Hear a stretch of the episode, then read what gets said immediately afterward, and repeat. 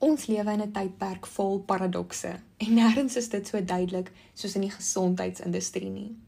Aan die een kant van die spektrum kry jy fiksheidsinfluencers wat sê mens moet 6 keer 'n week gym en net broccoli eet. Jy kry mense wat sê selfliefde of self-love is om lang barrens te vat en ure lank te mediteer. Dan aan die ander kant van die spektrum lê die grootste meerderheid van mense. Ongesond, ongelukkig met hulle self en ongewillig om enigiets te verander. Soos jy kan sien, is daar baie teenstrydige opinies daar buite. So hoe diferensieer ons tussen feite en net nog 'n sosiale media trend? Wel, glo dit of nie, die antwoorde lê in die Bybel. Ek dink die Bybel is die beste self-love en gesondheidshandboek daar buite. En moderne navorsing is besig om dit al hoe meer te bewys. Genesis vertel ons van al die plante en sade wat God gemaak het spesifiek vir die mens om te eet. Die boek van Esegiel adviseer mense om volgrane, bone en lensies te eet. Timoteus 1 sê alles wat deur God gemaak is, is goed en moet in dankbaarheid geneem en geëet word. Hierdie klink vir my baie soos 'n geestelike weergawe van die whole food slagspreuk. If it came from a plant, eat it. If it was made in a plant, don't. So het jy al ooit gehoor van die blou zones projek?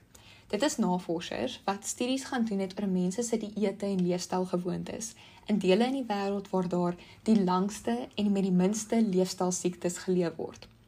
Een van hierdie blou zones is 'n hegte 7-dagse adventiste gemeenskap in Loma Linda, California. Hierdie gemeenskap vat hulle dieetriglyne reguit uit die Bybel. Hulle eet regte kos wat uit die aarde kom en deur God gemaak is niks wat kunsmatige preserveermiddels bevat nie, niks wat oorgeprosesseer is of van kitskots restaurante afkom nie. En wat is die resultaat? Hulle gelewe gemiddeld 10 jaar langer as ander Amerikaners en het 'n 80% minder kans om leefstylsiektes te ontwikkel. Verder, wat het die Bybel te sê oor self-love? Wel, dink maar net aan die tweede belangrikste gebod. Jy moet jou ander lief hê soos jouself. Wat impliseer dit? Dat jy jouself moet lief hê. Jy kan nie liefde gee vanuit 'n plek van selfverwyd nie. Deur die hele Bybel beklemtoon God die mens se individuele en inherente waarde. Die Bybel leer ons oor die belangrikheid van vergifnis, nie net vir ander nie, maar vir onsself ook. So, stap 1 is om jouself te vergewe en aan die verlede te laat gaan. sien jouself soos God jou sien, as sy volmaakte skepping, sy kind. Die Bybel praat ook oor die belangrikheid van gebed en dankbaarheid. So maak dit prakties, hou 'n dankbaarheidsjoernaal. En as jy dalk nog onseker is oor meditasie, val raai wat? Meditasie in die moderne sin is maar net stil tyd of stilte tyd. Gebed kan 'n kragtige meditasievorm wees.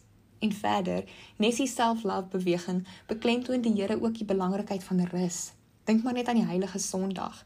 Dis eintlik net 'n simbool vir die rustyd wat so kardinaal is vir jou eie geestelike gesondheid. Die punt is, daar is 'n goue draad. En die goue draad wat deur al die Bybelse gesondheidsadvies loop, is die feit dat jou liggaam 'n heilige tempel is. Die Here het dit gemaak en vir jou gegee as geskenk. So kyk daarna. Vind maniere van oefen wat vir jou vreugde bring. Eet gesonde kos wat uit die aarde kom en jou laat gloei van binne na buite. Rus, hê lief en kultiveer jou verhouding met die Here. Alles gaan oor balans. Die fondasie van goddelike gesondheid is liefde vir jouself. Omdat die Here jou in liefde gemaak het, kyk ook na jouself in liefde. God wil hê jy moet die gesondste, gelukkigste weergawe van jouself wees sodat jy hierdie geskenk van die lewe ten volle kan geniet.